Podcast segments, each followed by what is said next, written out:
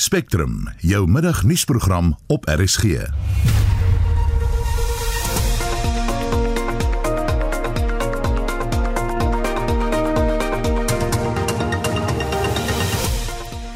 In vandag se program Gauteng se treinvervoer is op die rand van 'n ineenstorting, 'n toename in hondsdolheid. Die heel beste manier om ons dolheid te voorkom is om seker te maak dat ons honde en katte ingeënt is. En veral mense wat nou na KwaZulu-Natal en die Oos-Kaap gaan reis vir vakansie, maak seker dat die diere saam met u op toer is vir vakansie, dat die diere ingeënt is. Op daai manier beskerm ons nie net die diere nie, maar ons beskerm ook al die mense wat in aanraking sou gewees het met daai diere. En kommer dat die Noord-Kaapse sprinkaan pla op pad is na die Vrystaat. Welkom by Spectrum, die span is redakteur Wessel Pretorius, tegniese regisseur Johan Pieterse en ek is Susan Paxton.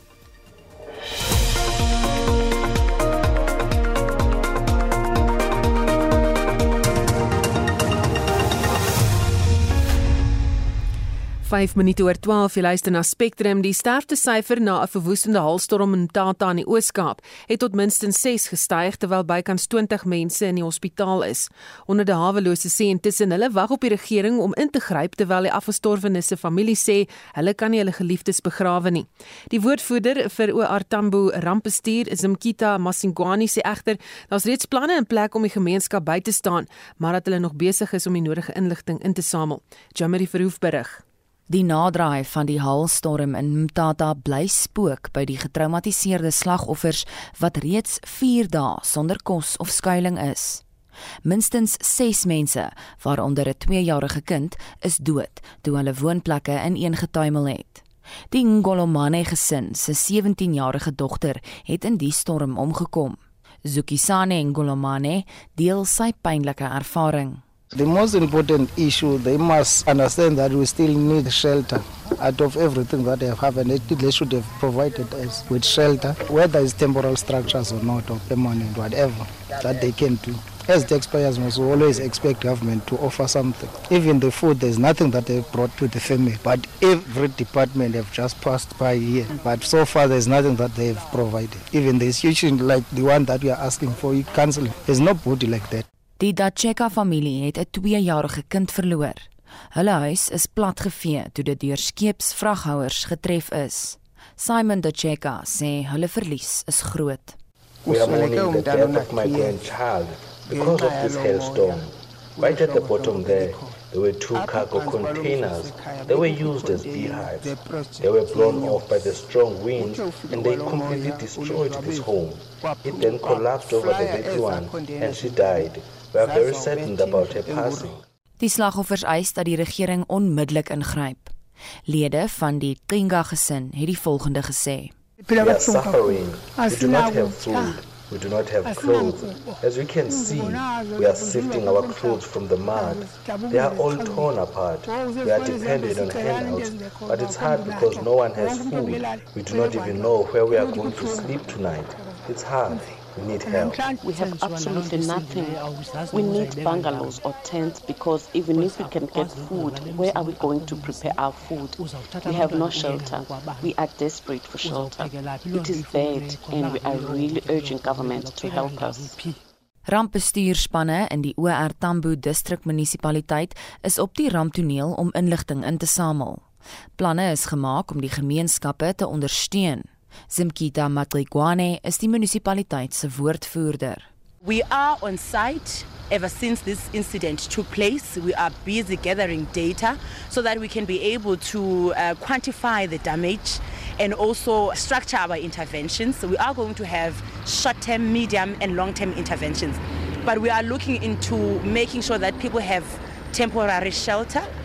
We will be working with various departments because we cannot deal with this as the district's municipality alone. Die verslag is saamgestel deur Nkululeko Nyembezi en Annelien Moses. Ek is Jean Marie Verhoef vir SAK nuus. Die departement van landbou in die Noord-Kaap het 'n waarskuwing uitgereik nadat groot swerm sprinkane in die provinsie opgemerk is na die onlangse reën. Verlede jaar het sprinkane groot skade aan gewasse aangerig. Aanduidings is dat die swerms hulle opwagting in die Vrystaat kan maak, waar daar verlede jaar groot skade op plase aangerig is. Ons praat nou met die president van Vrystaat Landbou, François Wilken. Goeiemôre François. Goeiemôre Susan, goeiemôre luisteraars. Weet julle hoekom die groot swerm sprinkane in die Noord-Kaap uitgebroei het en nie betyds gekeer kon word nie? Ja, soos ons kyk na verlede seisoen het dit begin uh, met plek plek se reën het uh, die sprinkane begin uitbroei en dan nou wat gebeur het is uh, daar tot 4 siklusse sprinkane uh, uitgebroei. So die die getalle is baie groot. En wat ook gebeur is dit blykbaar dat die uh omdat die die plase groot is en en, en redelik ontvolk is, begin die mense die sprinkane eers sien wanneer hulle regtig begin vlieg. En in die voetganger stadium wanneer hulle eintlik moet gespuit word, kry mens hulle eintlik nie opgespoor nie. So ons is bekommerd dat hulle dan nou gaan trek na die Vrystaat se kant toe ook. Weet julle al waar julle of waar hulle nou is? Uh ek was myself 'n tydjie terug was ek uh afgewees Hartenbos toe en ek het by Graafrein net het ons klein swermpies gesien.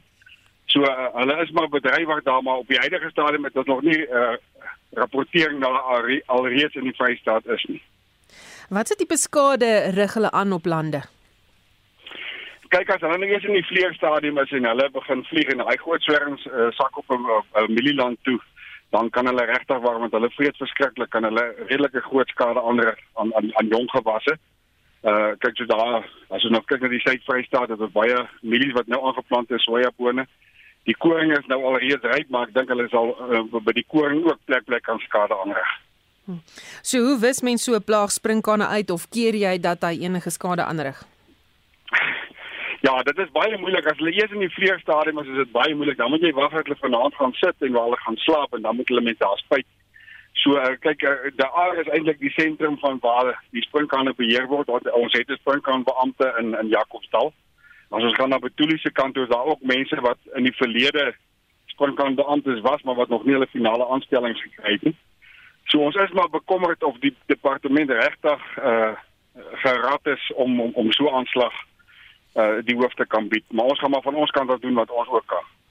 Fransjo dan uh, oor die algemeen, hoe gaan dit in die Vrystaat wat die landbou sektor aanbetref? Daar was droogte, daar's nou baie reën. Hoe lyk sake? Ja, ons het baie reën in die Vrystaat gehad. Ons is baie dankbaar daaroor. Die aanplantings gaan goed. Daar's plekke waar die ouens nie kan plant nie waar dit te nat is. Daar's plekke waar die ouens skade het as gevolg van uh van uh, versypskade van te veel reën. Die weidings in die Vrystaat is pragtig. So wat die vee aanbetref, dink ek gaan dit baie goed. Ons is nog die algemeen positief. Uh wat ons bietjie bekommerd maak is maar die insetkoste wat buite beheer begin raak as ons kyk na na uh ons kunsmis, ons insetkoste is hoog. Ons sien nou dat Eskom weer 'n 20% verhoging. So ons is maar baie bekommerd oor die koste van boerdery begin nou buite beheer te raak.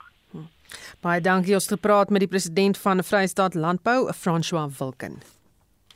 Die passasierspooragentskap van Suid-Afrika se langafstand passasierstrein die Shosaloza Mail sal vanaf die 15de Desember weer in diens wees. Jamie Verhoef vir die besonderhede. In 'n verklaring sê Prasa dat die treindiens swaar verkeer tydens die feestyd kan verlig. Prasa se nasionale woordvoerder, Andiswa Makanda, sê lae-inkomste huishoudings sal beslis hierby baat. We are resuming the Shosholoza mail come next week, 15th of December. We are definitely taking advantage of the holiday season and the festive rush. We want to make this long distance train service available for low income commuters, which comes at a very great benefit given these economic conditions in our country. So we are offering the service at very competitive prices. Makanda sê die diens bied 'n alternatiewe, veilige en bekostigbare manier om lang te reis, maar waarsku dat daar 'n beperkte aantal plekke beskikbaar is. Sy sê alle COVID-19 protokols sal gevolg word.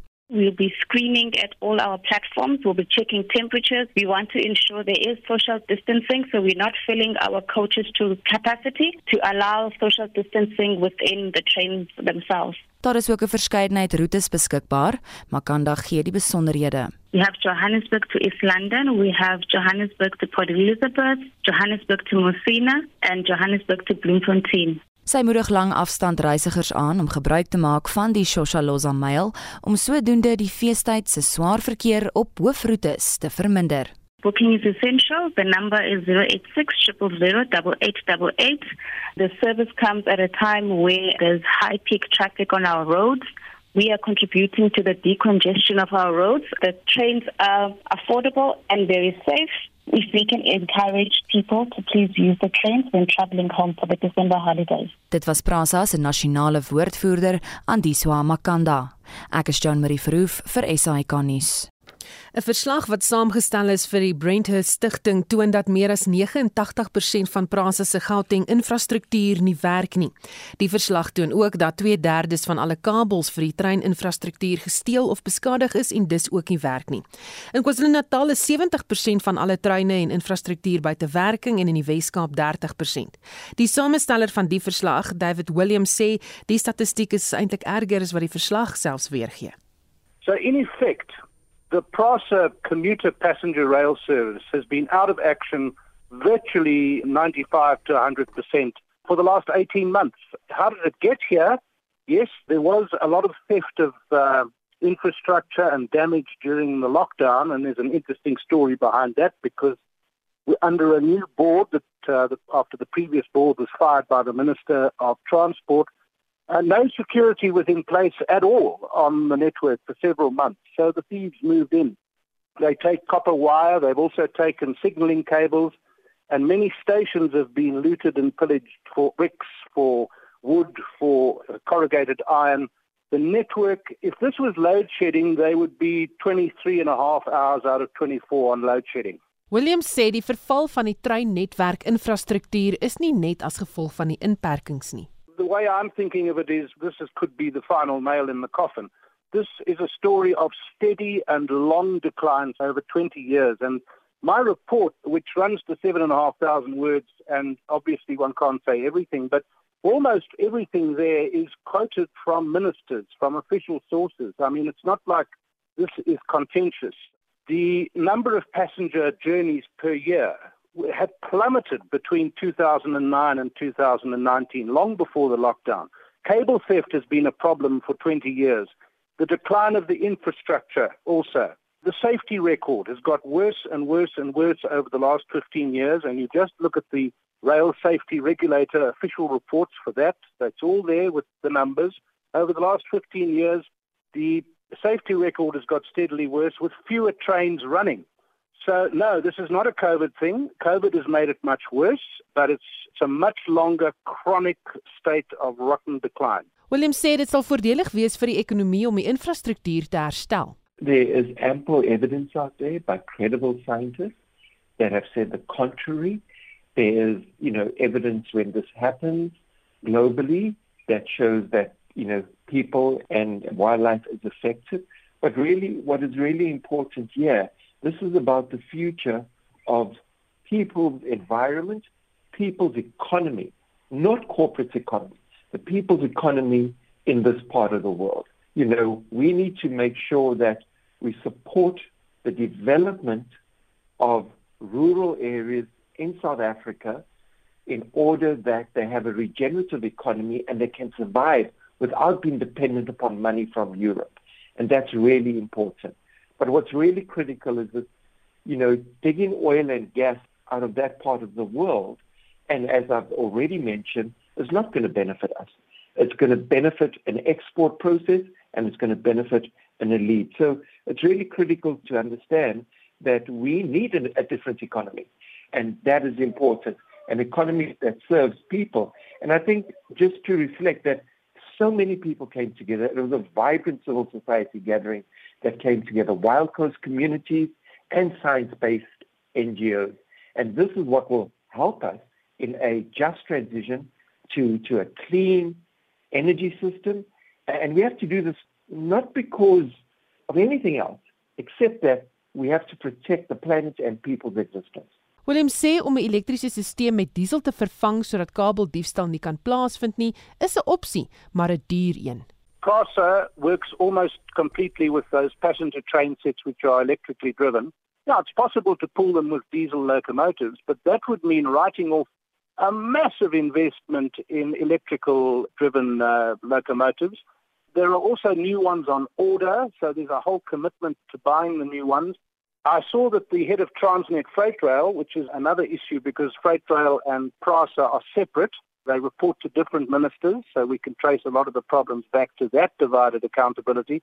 But I see that the minister, or rather the chief executive of Transnet, Portia Darby, has said maybe we should just give up the electric infrastructure and just go to diesels, which is a sort of obvious solution, except that you'd have to write off a vast amount of assets that you already have, and it would be an admission of defeat in a broader problem. Uh, when you think of the trucks that uh, block the highway, the stuff that gets stolen every day from Eskom as well as big organizations like Transnet and PRASA, it's a, a, question of law and order which goes far beyond these individual organizations. It's about the country getting crime in check and stopping its assets being stolen and damaged.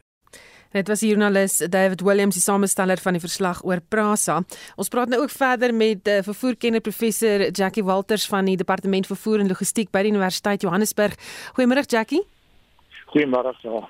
Is jy enigstens verras oor hierdie bevindinge van die verslag? Nee, ek dink dit uh, is 'n goeie samevatting van die verval van skoolvervoer in Suid-Afrika en dit is nie soos ek korrek gesê het net vanaf die uh, COVID tyd nie. Dit is 'n is 'n langtermyn probleem wat ons het hierso. En wat ons nou sien is die gevolge van swak bestuursbesluite oor jare strategie uh ja, en natuurlik ehm um, die die stof wat plaas van die binne die maatskappye en en uh, swak bestuur in algemeen en dan weer ja natuurlik met die uh, COVID uh, lockdowns uh met ons natuurlik geen sekuriteit gehad het vir die operasionele en en dit is baie baie vir swak te raai wende geweldig gevanaliseer is en dan baie van hulle toegemaak en dit het baie baie jare vat voor hulle en die almal behoorlik funksioneel is en baie geld is ook. Dink jy dat die regering die infrastruktuur sal kan herstel? Is moeilik om te sê. Ek weet mense is eintlik baie pessimisties veral oor Prasa as mens gaan kyk, jy weet enige enige iemand kan gaan ry en gaan kyk hoe lyk die stasies uh rondom Johannesburg en weet nou Randfontein toe en elders in die land. Daar's niks oor nie. Die, die dakke is weg, die mure word bakstene vir bakstene weggedra. Daar's nie kabels vir simuleringsstelsels is weg. Die eerste kabels is weg vir die elektrisiteitsverskaf in die treine. Daar's niks oor nie. En in baie gevalle is van die spoorlyne weggedra, spoorstelle weggedra. So dit gaan werklik 'n groot poging wees om hierdie hierdie besigheid om te draai. Nou, Franse het 'n plan. Jy weet, hulle het nou begin met die Kaapse sentrale lyn en ook noord van Pretoria. En noord van Pretoria is weer die sterkste diens uh, in Europa en ook in Kaapstad, maar is nie naaste by voldoende om aan die passasiersvraag en behoeftes te voldoen nie. En uh, dit is maar net die passasierskant, wat nog van die vragkant? Die vragkant is net so problematies. Met as kyk na die transitvrag. Ehm um, dit hulle oor die jare het hulle so 180 miljoen tot 250 miljoen ton uh, vragvervoer gemiddeld. En dit dit is 'n syfer wat al kom van die 1980s af. En dit beteken die ekonomie geweldige groei. Dit uh, vandag is sekerlik omtrent 2000 miljoen ton uh vraag op die paaie wat eintlik groot gedeelte is eintlik op die spoor kon gewees het en dit kan nie seker op die paaie sien. Al die primêre en sekondêre paaie in Suid-Afrika word stukkend gery en die konflik is enorm. En dit is afgevolg van die voorstel wat nie bygebly het nie. En nie nie kan kompeteer so maar ja. vraag vas van die van die vraag eienaars nie. Sal dit help as ons die infrastruktuur herstel maar nie die misdaadprobleem oplos nie? Nee, glad nie. Nee, glad nie. Dit help nie jy herstel die infrastruktuur en môre dra word dit weggedra nie. Die fundamentele probleem hier is dis die misdaad in die spoorstelsel en die syndikaate wat wat die stelsel uh, stroop. En mense moet dit mense moet dit aanspreek. Nou Transnet het al begin om jy om van die probleme aan te spreek op die, die steenkoollyn waar die private sektor saam met die myne werk private sekuriteit van die myne en transit werk. En daar word nou redelike goeie sukses bereik. En dit is miskien waarna mense moet kyk. As jy baie meer op die private uh, staat maak en die vrageienaars staat maak wat afhanklik is van die skoolstelsel. En als groot vrageienaars wat afhanklik is, is die motormaatskappy, die vervaardigingssektor is 'n baie goeie voorbeeld. Wat so wat groot belange het in die spoorkant en seker te maak dat hulle projekte uitgevoer kan word in die hawens uit. Uh, so ek, dink ek dink ons 'n fundamentele herbedinking van die hele spoorstelsel en die private sektor moet 'n kerndeel uitmaak van die oplossing as ons vorentoe kyk en waarskynlik konsessies, spoorkonsessies, private sektor spoorkonsessies is die wat ek nou voorstel. Ons moet baie vinniger beweeg. Maar dieselfde tyd ook op die spoorpassasierskant, daar's geen rede hoekom ons die private sektor moet kan kry om die passasiersstelsel te bedryf nie. En dit is daar's baie goeie voorbeelde wêreld wêreldwyd dit baie goed sukses het ook. En ons eie Suid-Afrika het ons natuurlik gehad trein wat daar baie groot private sektor belange by is in die stelsel van funksioneer in hierdie tye.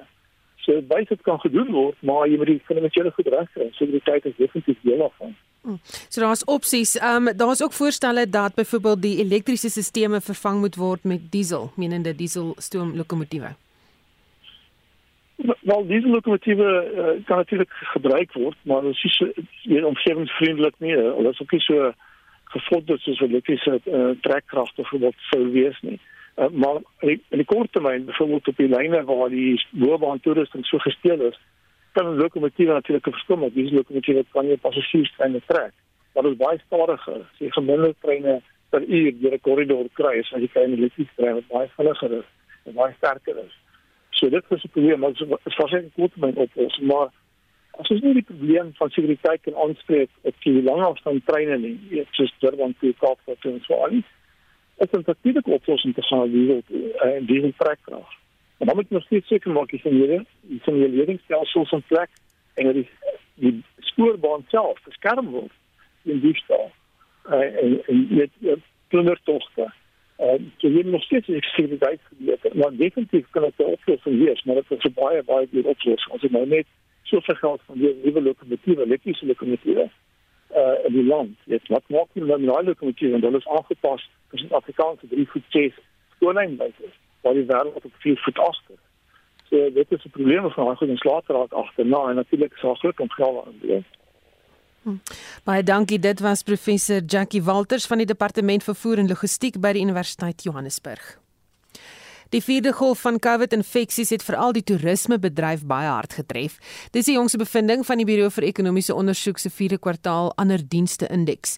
Die adjunkdirekteur van die Buro vir Ekonomiese Ondersoek in Stellenbosch, George Kershoff sê dat uh, die indeks het aanvanklik goed gelyk, maar toe begin die infeksiekoers weer styg dit is belangrik om hier ook by te noem dat ons het die opname gedoen in die tweede helfte van November.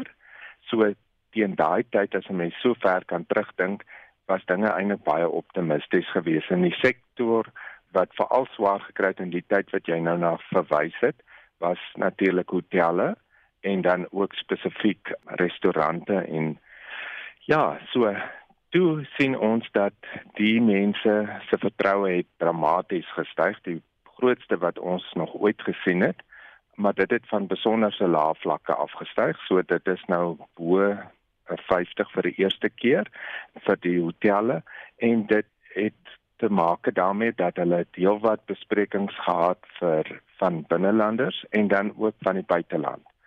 En toe kort na die opname voltooi is, toe het ons nou hierdie navorsers wat wys dat daar is 'n nuwe mutasie van die COVID virus in Suid-Afrika en dit volg toe dat Brittanje en ander lande reisbeperkings instel en ja baie van die buitelanders het hulle verblyf in Suid-Afrika gekanselleer of uitgestel en dan ook het ons nou hierdie skerp toename in 'n nuwe COVID positiewe gevalle in Suid-Afrika. So dit het ook nou beperkings of beperkings op binnelandse wat jy weet besoeke en natuurlik uitgaan na restaurante ensovoorts. Nou ons het 'n opname daarna gedoen en net bepaal wat 'n impak dit het en dit het omtrent gehalveer die vertroue. So dis 'n groot slag vir die bedryf.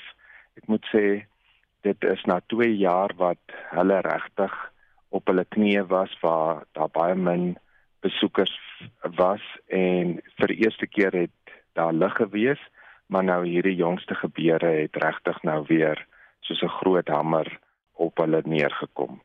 Ja, die binnelandse besoekers is nou nog die enigste hoop en 'n mens sal nou sien hoe mense reageer op hierdie vierde golf en of hulle versigtiger raak en nie juis uitgaan na restaurante nie. Dit kan natuurlik ook die bedryf in 'n belangrikste tyd van die jaar dit is die die vakansietyd en die somer en dit is wanneer die meeste mense hierdie bedrywe hulle beste besigheid doen. So dit kan nie op 'n slegte tyd gekom het nie. Hmm, is nou 'n tweede jaar in 'n ry dat dit nou gebeur. Hoe lank kan uh, jy weet die ekonomie uithou? Daar's vra oor die ekonomie in totaal en dan is daar natuurlik nou die bedryf self. Nou so ek uh, ek nie konkrete syfers nie, maar ek dink baie die bedryf se totale kapasiteit het erg gekrimp. So daar is minder restaurante en binne die restaurante is daar ook minder tafels beskikbaar en so het gelyk geld natuurlik vir die akkommodasie of groot hotelgroepe het sekere hotel plekke nie oopgemaak nie en dan nou gastehuise en mense wat voorheen klein woonstelle en en kamers verhuur het, dit het dit ook gestaak. So daar was 'n groot afname in die kapasiteit en ja, die wat oorgebly het en wat nou nog probeer oorleef het in die tyd, het maar 'n opdraande stryd. Dit is byvoorbeeld mense wat besprekings gehad het en wat nou gekanselleer is as die bespreking nie direk by die hotel of by die gastehuis of jy weet gemaak is nie maar via 'n agent dan eis die agente nog steeds die kommissie op daai bespreking, maar die eienaar of die bestuurder van daai gastehuis of hotel kry geen inkomste omdat die persoon gekanselleer het. So dit is geweldige verlies. Dan is daar natuurlik ook die mense wat daar moet werk. Baie van hulle is in die 2 jaar uit diens gestel. En toe nou in die aanloop na die feesseisoen en somer en groot besprekings is baie van hulle weer aangestel en nou dat dinge nie uitwerk nie nou is is daar groot kans dat hulle ja eers weer vir tyd lank ontslaan word totdat dinge weer beter lyk. So as dinge eendag normaal word, wat ek nie weet wanneer dit gaan wees nie, maar elke keer hoop ons dit gaan binne die volgende 6 maande wees en as mense reis soos in die verlede so voor die pandemie gaan ons groot beperkings hê in terme van kapasiteit. Nie genoeg kamers nie, maar ook dit is regdeur ook tot in die vervoerbedryf waar busse en ander verhuuringsmaatskappye en uh, toergidse wat in die verlede hierdie dienste verskaf het, het uit die bedryf gegaan en dit gaan 'n tydjie vat voor dit terugkom so in die eerste jare nadat dinge normaal geraak het vir reis, het ek 'n sterk vermoede dat daar gaan groot tekorte wees en skerp prysstygings van die kapasiteit het verdwyn. Dit was die adjunkdirekteur van die Buro vir Ekonomiese Ondersoek in Stellenbosch, George Kershoff.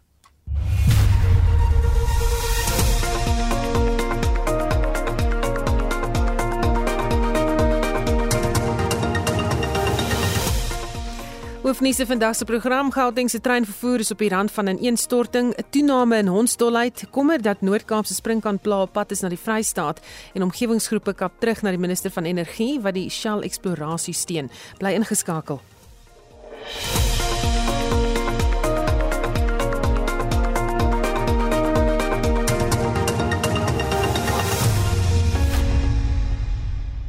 Sy 1238 die Nasionale Instituut vir Oordraagbare Siektes sê daar is 'n toename in mense wat hondsdolheid in die land opdoen.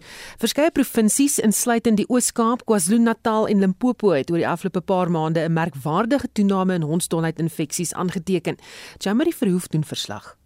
Volgens die hoofwetenskaplike by die Sentrum vir Ontluikende Zoonistiese en Parasitiese Siektes by die Nasionale Instituut vir Oordraagbare Siektes, Dr. Jackie Weyer, is daar vanjaar al meer as 15 mense dood aan hondsdolheid. Dit is siekte wat al vir baie jare in Suid-Afrika voorkom, maar ongelukkig sien ons dat die tolheid net sy kop uitsteek in sekere gedeeltes van ons land. Op hierdie stadium met ons tot op met vandag 19 bevestigde gevalle. Dit is dan 9 gevalle van die Oos-Kaap, 6 gevalle van KwaZulu-Natal en 4 gevalle van Limpopo. En wat ek wil hê julle moet in aanmerking neem is wanneer ons 'n geval rapporteer, beteken dit dit is 'n fatale geval gewees. Dit is 'n 100% fatale infeksie. Vyer verduidelik hoe die virus van die dier na die mens oorgedra word. Die ontbolheid virus kan voorkom in die speeksel van 'n dier wat geaffekteer is met die siekte. So enige gebeurtenis wat dan kan nou kan maak dat daai uh, virus wat in die speeksel van die dier is in aanraking met jou liggaam kom, kan dan nou 'n blootstelling wees. So dit sal nou wees buite krappe, enige wond wat dan deur daai diere toegedien word. Sy verduidelik verder dat die simptome van hondsdolheid in mense die hele liggaam affekteer, omdat dit 'n virale infeksie van die brein is. Van die kenmerkende eienskappe van ons dolheid is dat dit 'n verandering in gedrag veroorsaak. Daar is aggressie en uh, hallusinasies uh, en en so en so meer. Daar is geen behandeling vir ons dolheid nie.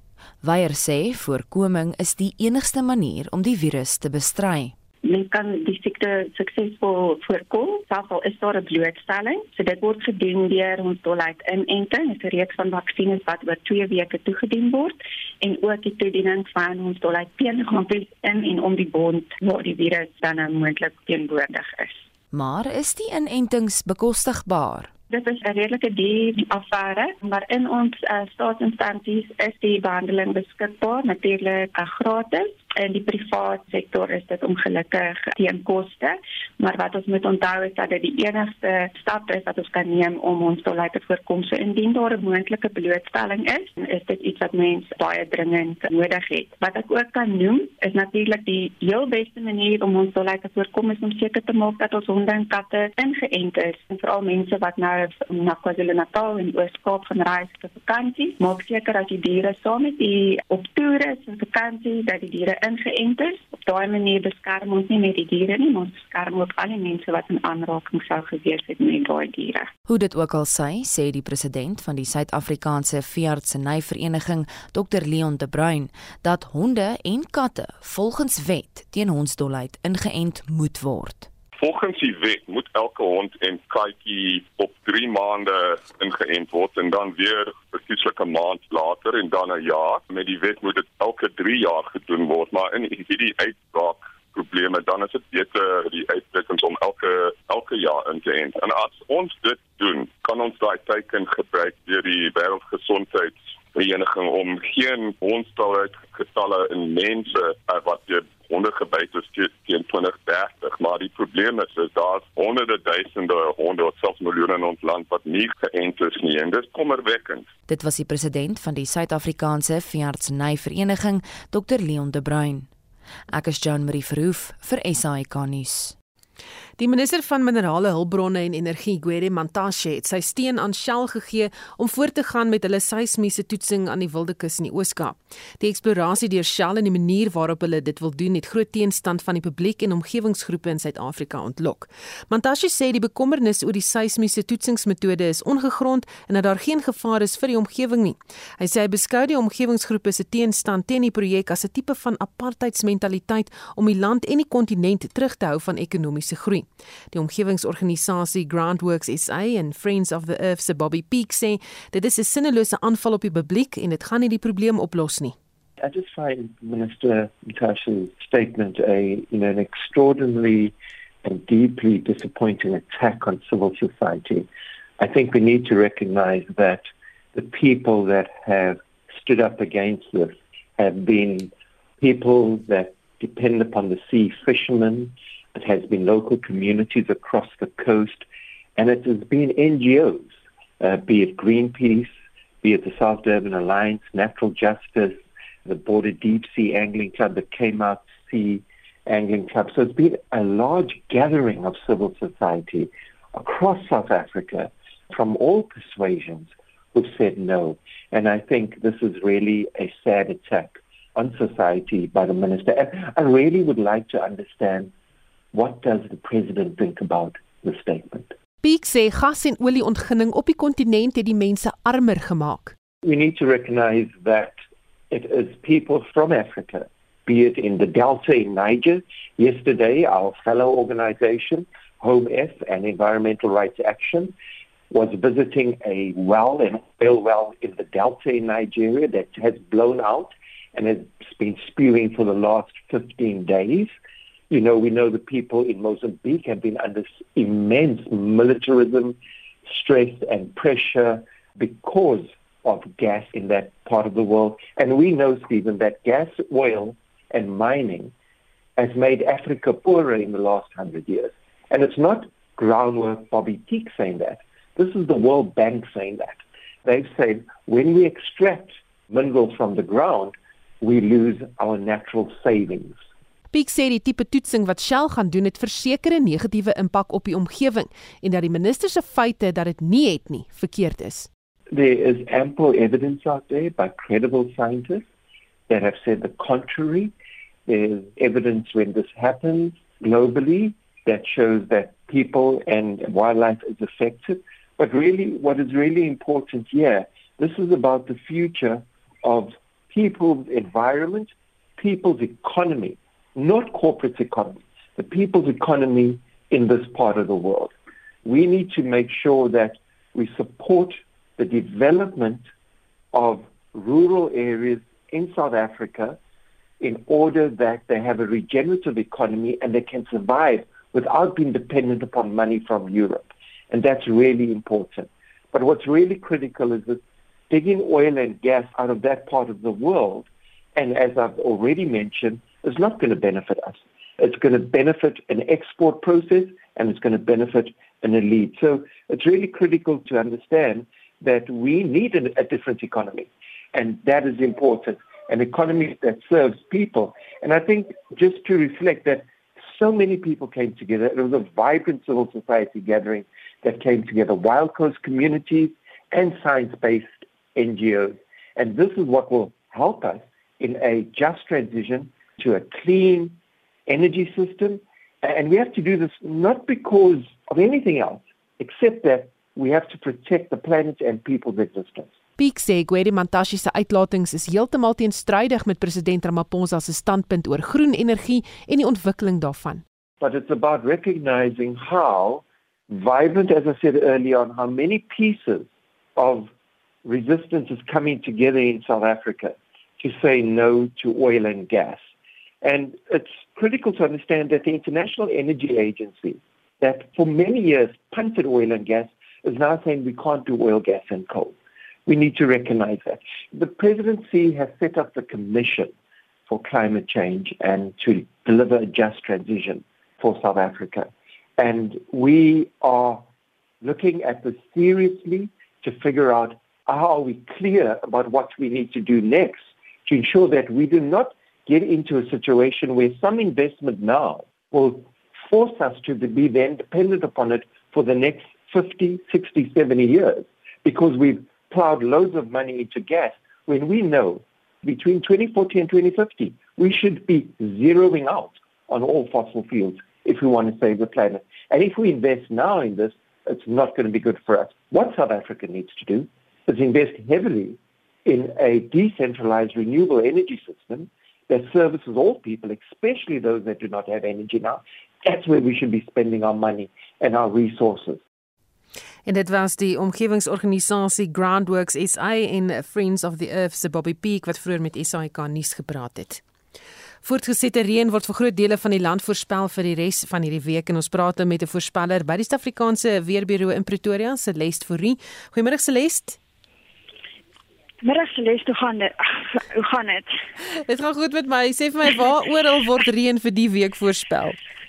Ehm um, so die res van die week verwag ons ehm um, reën vir meeste van die land, so vir die sentrale binneland sowel as vir die ehm um, oostelike gedeeltes verwag ons meeste van die reën. Hierdie is meestal tropiese weer.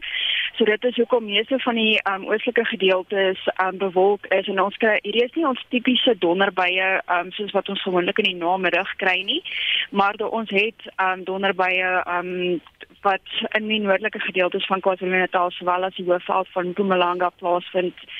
Ehm um, tussen deur, maar um, meestal vir Gauteng vir um, die res van die week gaan dit maar meestal hierdie bewolkte en aan en af reën wees. En dan so laatmiddag oornag kan ons ook ons donderbuie verwag, soos 'n um, soos wat maar ons maar normaalweg in die somer um, verwag. Hmm, ek kon of jy vra is hierdie ongewoon al hierdie reën? Kyk, hierdie um hierdie is um 'n nat jaar vir ons. Laas jaar was dit ook nogal 'n uh, um 'n nat seisoen waar ons bietjie hoër um bietjie hoër as normale reënvalsyfers ontvang het.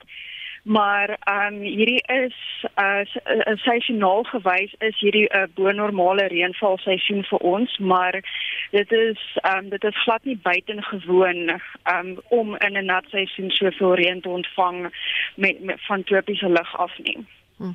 En temperature, is dit oor die algemeen warm somertemperature wat ons gaan ervaar?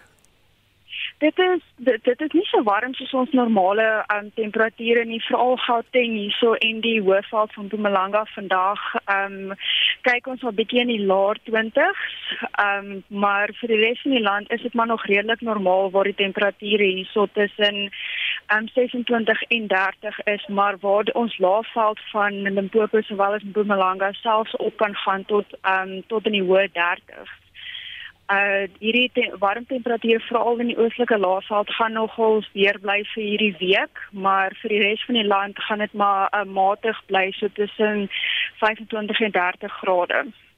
En is daar waarskuwings vir enige brandgevaar uitgereik? Ehm um, omdat ons um, so baie reën oor meeste dele van die land verwag, um, is daar nie regtig verskriklike brandgevare nie. Waar ons wel um, het vir vandag sowel as môre is um, in die sentrale noordelike gedeeltes van die um, van die Noord-Kaap en dan môre gaan dit selfs bietjie af na um, die sentrale um, binne gedeeltes van uh, die Noord-Kaap, maar die res van die land omdat ons so lekker baie reën ontvang um, vir hierdie week het ons nie regtig brandgevaar nie. Baie dankie, dit was Celeste Fourie, 'n voorspeller by die Suid-Afrikaanse Weerbureau in Pretoria. Die sakenis word aangebied deur Nikki van der Merwe, portefeuljebestuurder by Netbank Korporatiewe Beleggings. Goeiemôre Nikki. Goeiemôre Suzan en luisteraars. Markte skop hierdie week meestal aan die groen af. As ons kyk na Asië, sien ons die Hong Kong Hang Seng verswak 0,4%. Die Japaneese Nikkei is op 0,7% en die Australiese ASX 200 is hoër met 0,4%. In Europa verander die FTSE 100 swakker met 0,1%.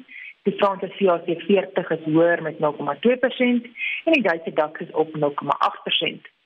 Plaaslik verander ons algehele indeks hoër met 0,3% teen 71927 punte.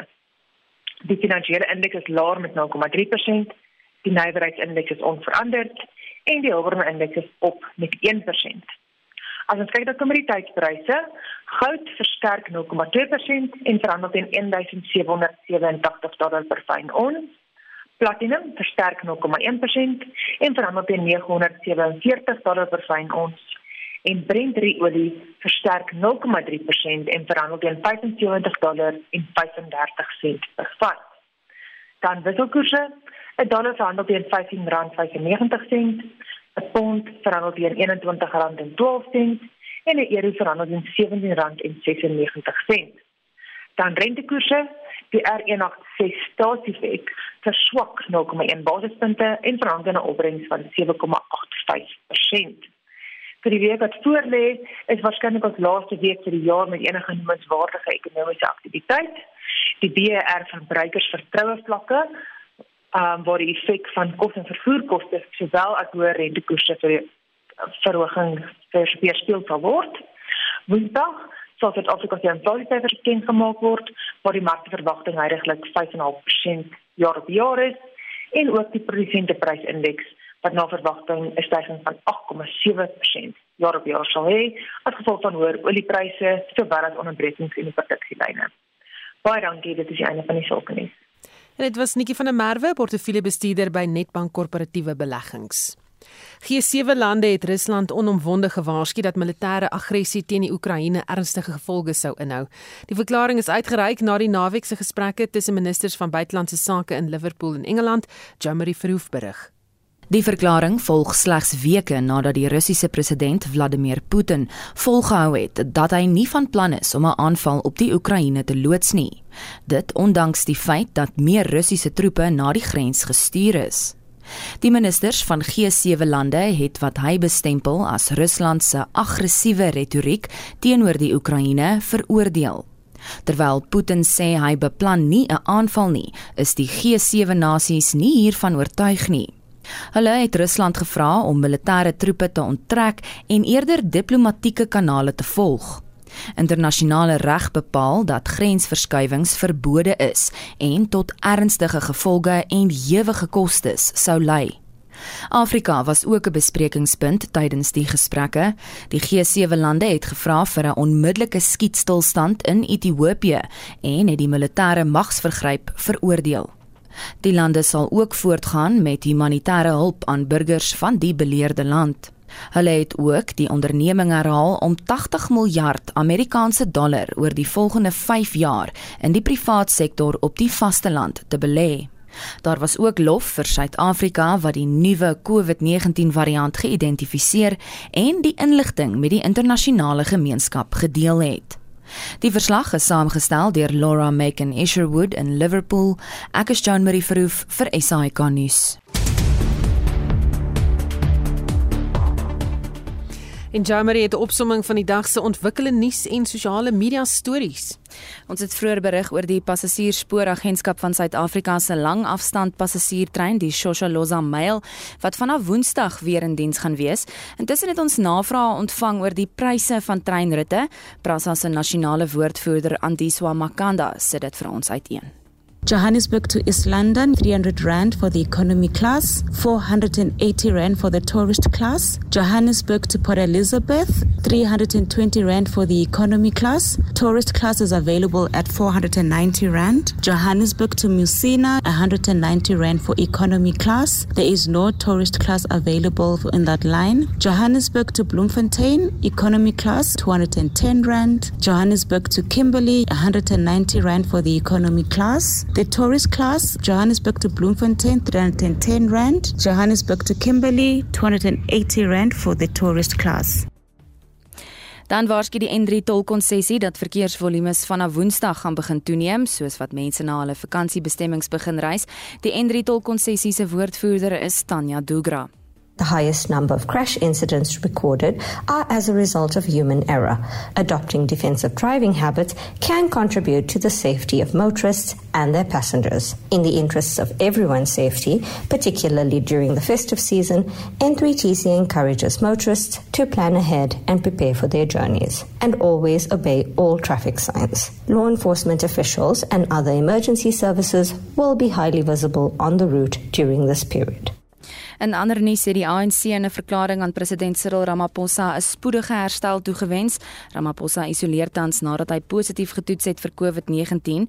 Die president se verpligtinge vir die komende week is aan adjunkpresident David Mabuza gedelegeer en die hitsmerk Family Meeting is gewild. Die Twitterstrate het 'n reeks tong in die kies versoeke vir die waarnemende president. Hulle vra onder andere dat hy solank die aanklokreël aanpas. Dan is die hitsmerk Miss Universe 2021 een van Twitter se topbesproke onderwerpe. Mevrou Suid-Afrika Lalela Mswane het derde geëindig in die Mevrou Heelal skoonheidskompetisie wat vroeg vanoggend in Israel gehou is. Mevrou India Harnaz Sandhu is as die nuwe Mevrou Heelal gekroon. En môreoggend in Monitor praat ons oor die burgemeesterskomitee vir die Johannesburgse metro wat pas aangekondig is.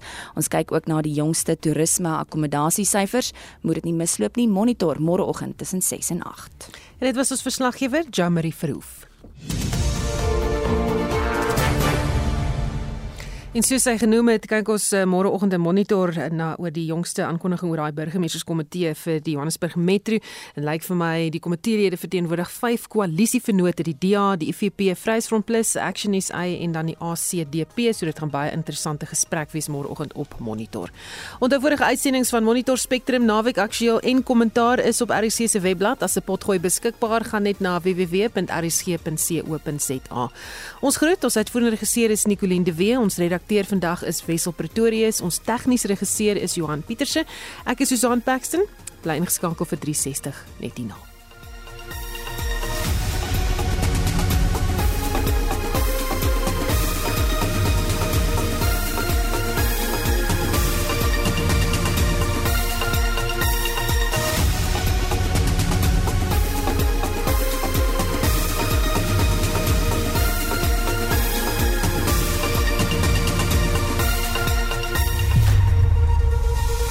SAK nuus. Onafhanklik, onpartydig.